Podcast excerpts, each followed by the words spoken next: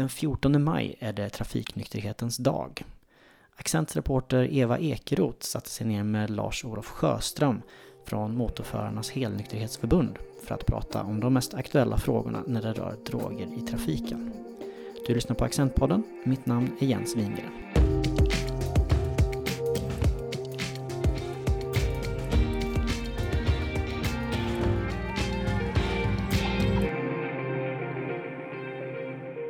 Ja, Trafiknykterhetens dag kom till för ett, jag vet inte exakt startåret, men det har varit ganska många år. Eh, och det kom till för att sätta fokus på rattfylleriets konsekvenser. Vi hade då börjat jobba mer aktivt med de rattfylleridrabbade. Personer som hade blivit skadade eller som hade förlorat närstående. Och det var deras berättelse vi ville återge. Vi ville ge rattfylleriet ett ansikte. Helt enkelt. Och eh, det började med en manifestation utanför riksdagshuset första året där flera rattfylleridrabbade medverkade och berättade sin historia. Och eh, sen har det här fortsatt. Vi har ju dels en riksmanifestation någonstans i Sverige. Det, det kommer att vara Östersund i år, eh, i maj här. Och eh, det har varit på olika platser. Det har varit i Jönköping, eh, det har varit på fler ställen. Eh, dessutom så är det många lokala manifestationer på gator och torg.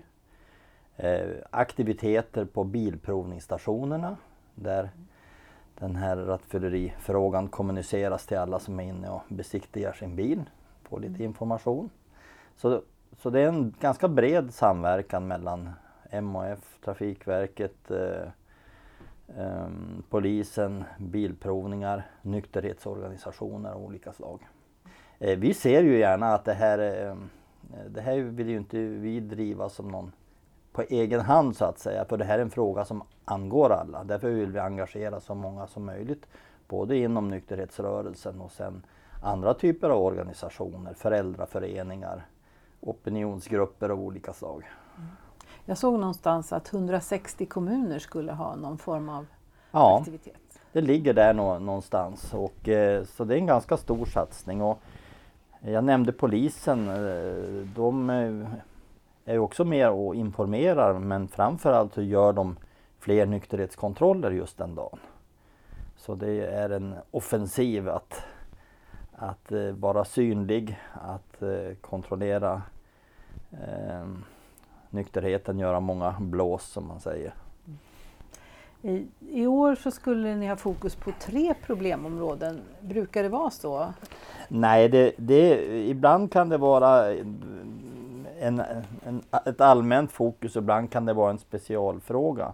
Förra året var det till exempel rattfylleriets pris. Och då både med syftning på de stora samhällskostnader som skapas på grund av rattfylleri och alkohol och drogrelaterade trafikolyckor. Men också det höga priset för den som drabbas. Men i år har vi eh, fokuserat på några av de här problemen som finns.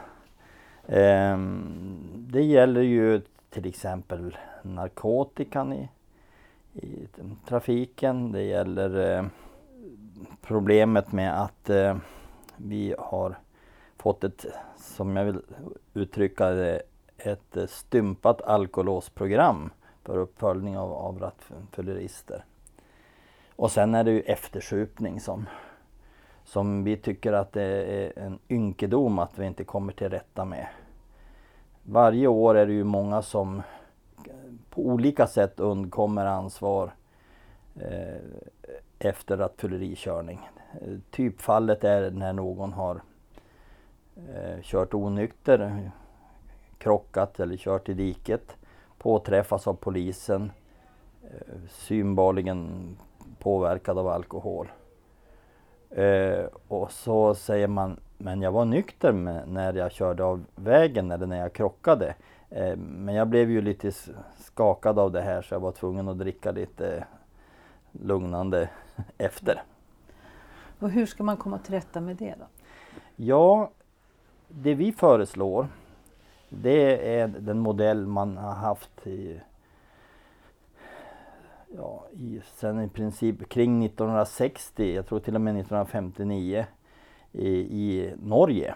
Där eh, får man inte dricka alkohol de sex första timmarna efter en händelse som man förstår eller borde förstå kommer att innebära en polisutredning. Gör man ändå det så döms man som om det hade varit ett rattfylleri.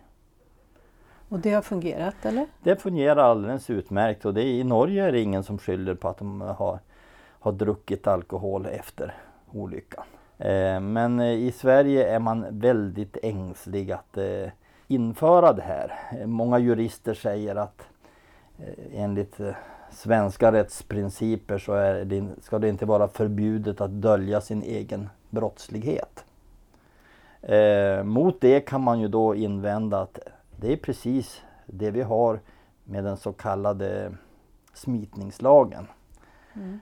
Eh, olaga avvikande från trafikolycksplats. Mm. Det är ju också för att eh, förhindra bevisförstöring. Så kan man införa det i ena fallet så borde man kunna göra i det andra fallet.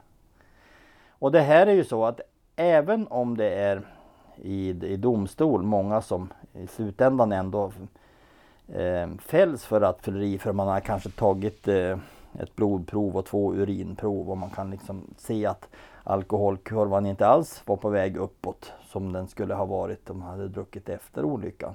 Utan neråt och som visar att man hade varit att man var onykter när man körde. Även om det är så så är det en och annan som slinker igenom de här maskorna i nätet. Dessutom så finns det ett antal fall där man faktiskt inte rapporterar brottet. För man inser att det har brustit i procedurerna. Vi kommer inte att kunna föra det här i bevis. Och dessutom tar det mycket utredningsresurser. Jag vet att personal på Rättsmedicinalverket anlitas och, och eh, kopplas in i olika rättsfall. Mm. Och eh, deras kompetens behövs bättre eh, till andra saker än att bevisa det man borde ha förstått redan från början, det vill säga att någon ljuger.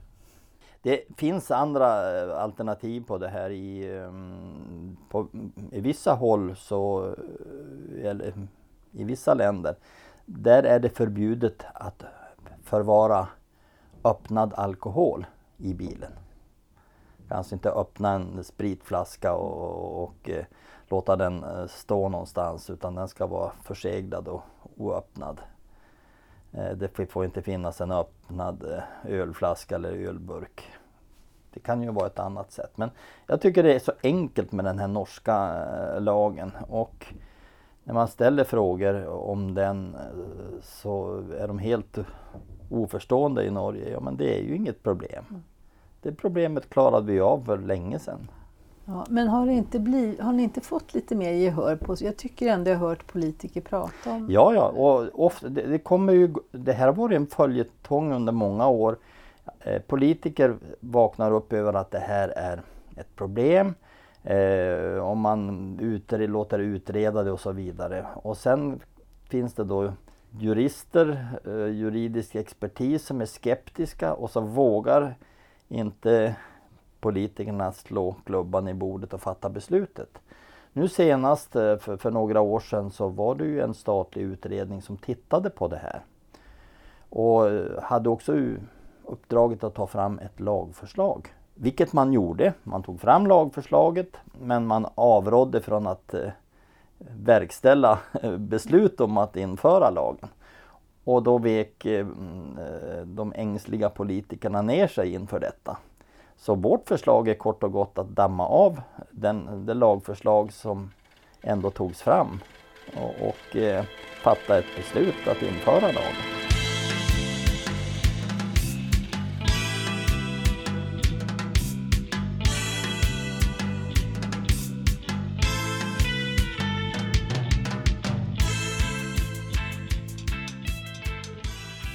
Sen nämnde du i förbigående att ett havererat eh, alkolåsprogram. Kan Ja. du utveckla det? Ja, i alla fall ett... Det har uppstått ett problem sedan EU-kommissionen eh, har granskat den svenska körkortslagstiftningen och där körkort med villkor om alkolås är ju en del av det. Det vill säga att den som riskerar att förlora körkortet eh, efter rattfylleri har möjlighet om att ansöka att som ett alternativ till eh, återkallelse få ett villkorat körkort. Och då är man liksom med i ett program där man dels har alkolås i bilen, där alla starter och blås eh, registreras i alkolåsets minne och det skickas då till eh, Transportstyrelsen som följer upp det här så att, eh, att man kan visa att jag kan köra bil dag efter dag eh, under ett år eller ett, två år eh, utan att blåsa rött så att säga. Och, och fungerar det och, och man dessutom uppfyller de medicinska kraven, man får ju gå på läkarkontroller också och titta på alkoholmarkörer i blodet och så vidare. Som att få en bekräftelse att här finns det inte en, kvar någon missbruksproblematik. Klarar man det då får man så att säga växla in till ett, ett vanligt körkort efter den här, det här året eller de här två åren.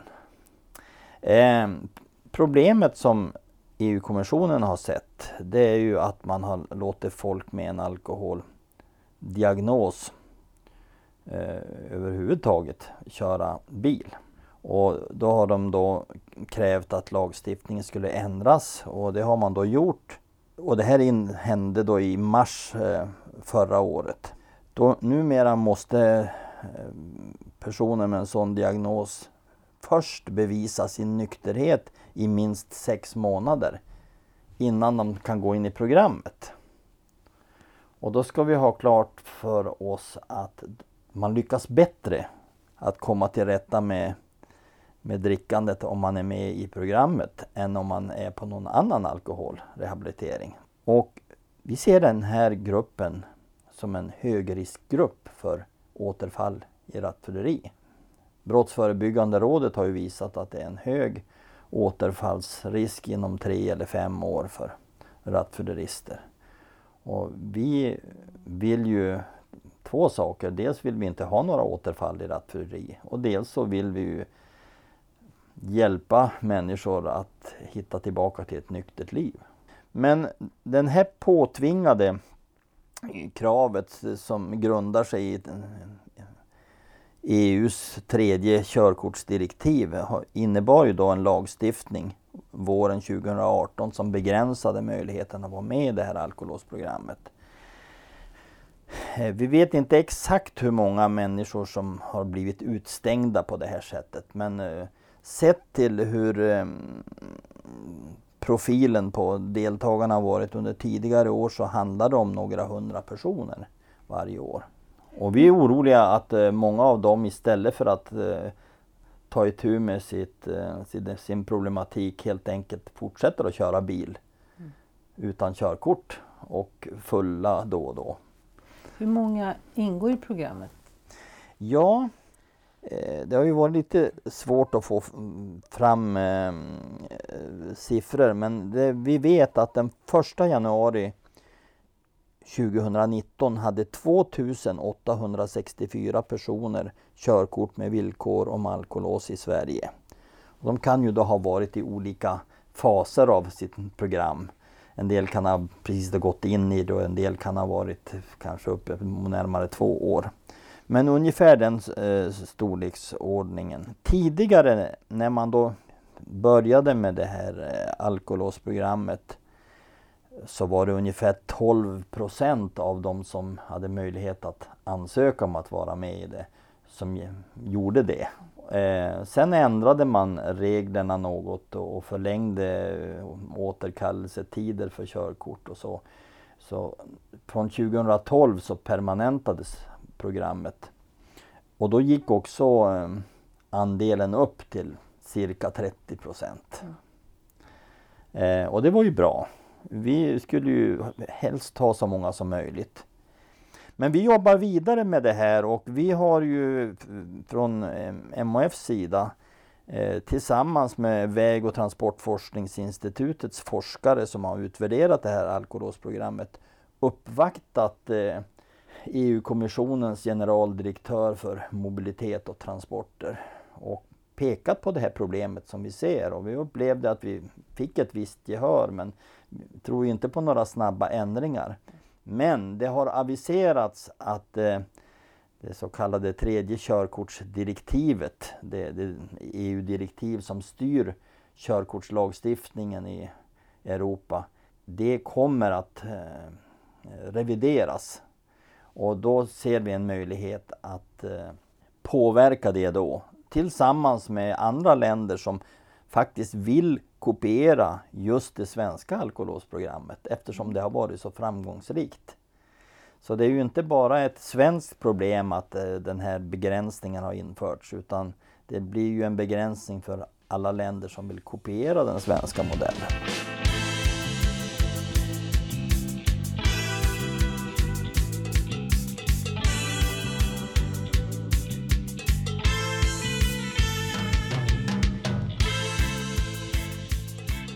Ja, det tredje området då, eh, alkohol och droger i trafiken. Ja, eh, med nykter trafik eh, så förutsätter vi att människor eh, bakom ratten eller på MCn eh, inte är påverkade av alkohol eller något annat medel som påverkar körförmågan. Och när vi talar om, om rattfylleri så innefattar det ju även narkotikapåverkan.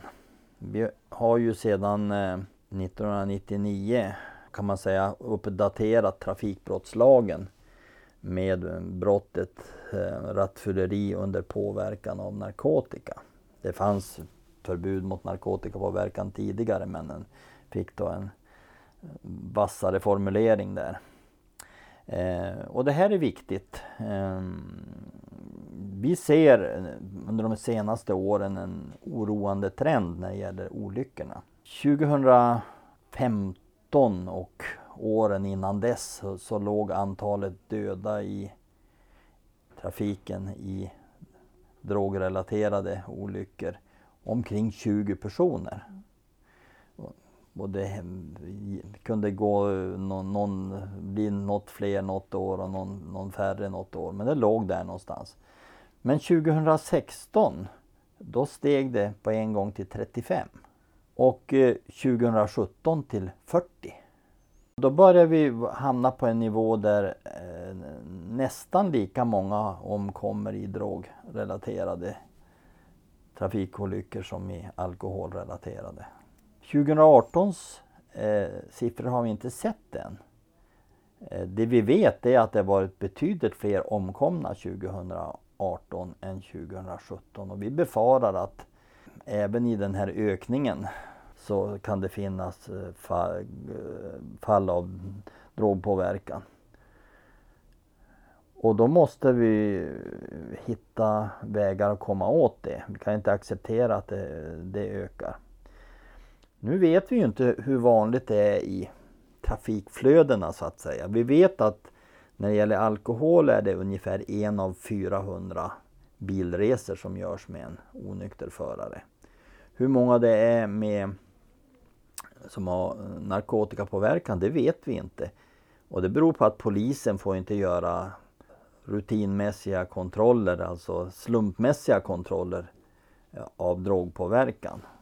Det finns ju liksom inte teknik riktigt i, i bruk för det än. Framförallt har eh, polisen inte möjlighet, eller polisen har inte rättighet att drogtesta med, med instrument på det sätt som man till exempel har i Danmark och Norge. Där har vi faktiskt halkat efter.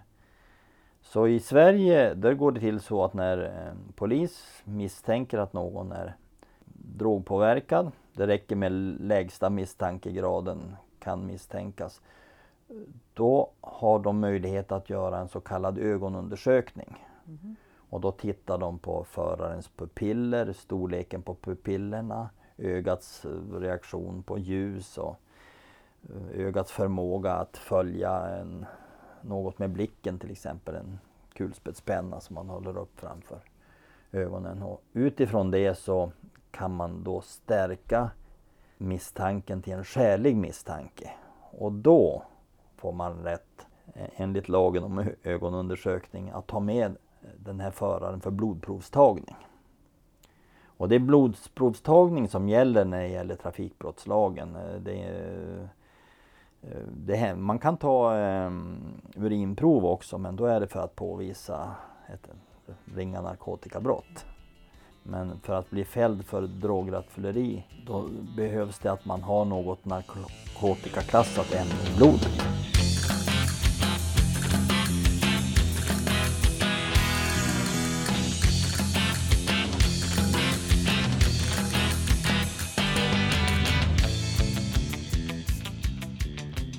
avslutningsvis vill vi såklart ha lite tips inför sommarens semesterkörning.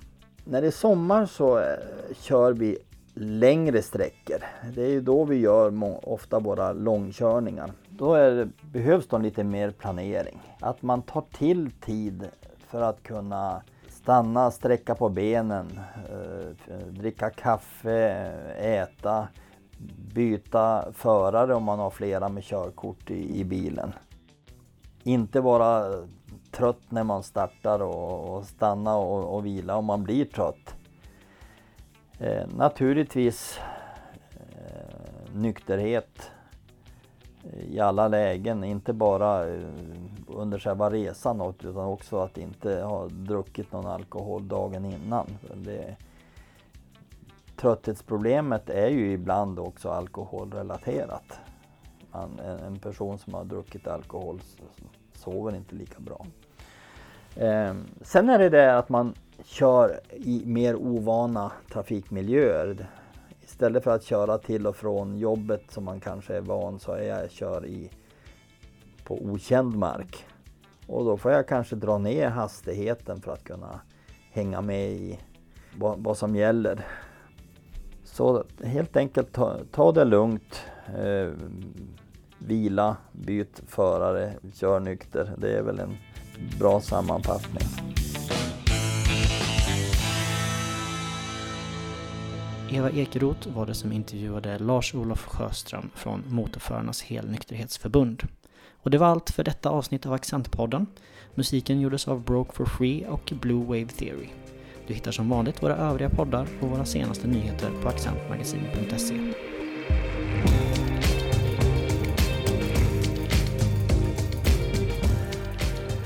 Du har lyssnat på Accentpodden. Accent är Sveriges största tidning om droger och nykterhet och IGT NTOs medlemstidning. Du får gärna höra av dig till oss och berätta vad du tyckte om den här podden och vad du skulle vara intresserad av att höra mer om i framtiden.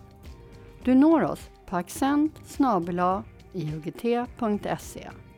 Du hittar våra senaste nyheter på www.accentmagasin.se eller på Facebook.